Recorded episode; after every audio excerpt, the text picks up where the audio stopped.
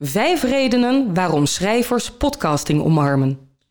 We maakten dit jaar een podcast met Patricia de Groot, waarin zij door Natasha Bell werd geïnterviewd over haar nieuwe boek Jouw wil staat op de gang. Dit was nieuw voor ons. Wij hadden nog nooit een podcast gemaakt voor een schrijver of schrijfster. Tijdens de opnames merkte ik op hoe ongelooflijk geschikt het medium podcasting is om een non-fictieboek te promoten. In dit artikel zet ik uit waarom.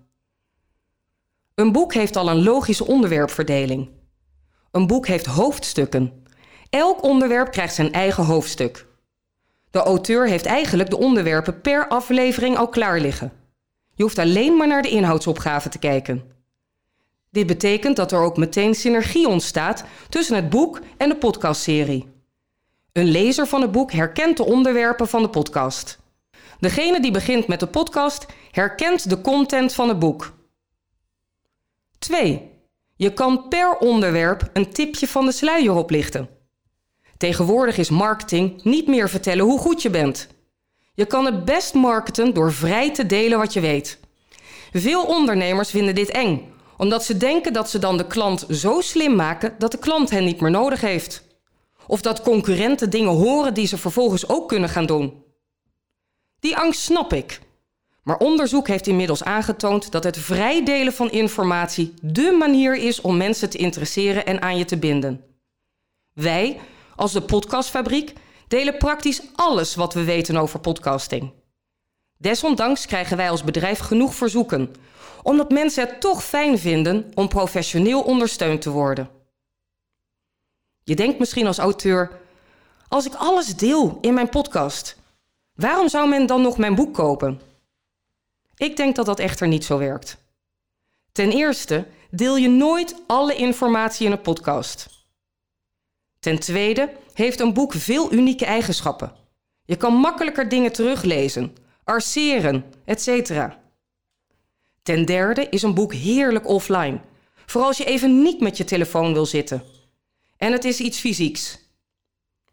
Je leert mensen echter wel kennis maken met onderwerpen waar ze anders misschien niet nieuwsgierig naar waren. Ik had voor de podcast van Patricia nog nooit van het Enneagram gehoord.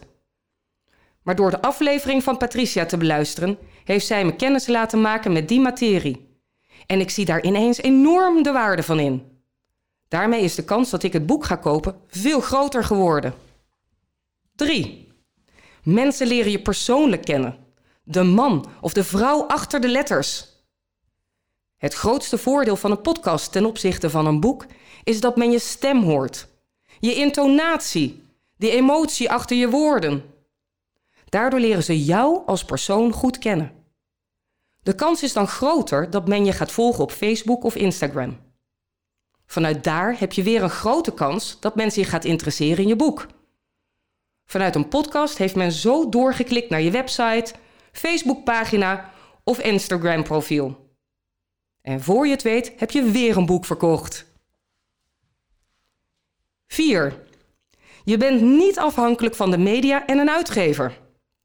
Vroeger was de route die een auteur volgde vrij standaard. Je had een uitgever nodig en die ging proberen mediaoptredens voor je te regelen. Dat maakt je twee keer afhankelijk. Een uitgever moet brood zien in je verhaal. En radio- of tv-makers moeten vervolgens nog maar zien of ze je willen uitnodigen in hun programma. Die afhankelijkheid kan je tegenwoordig gelukkig doorbreken.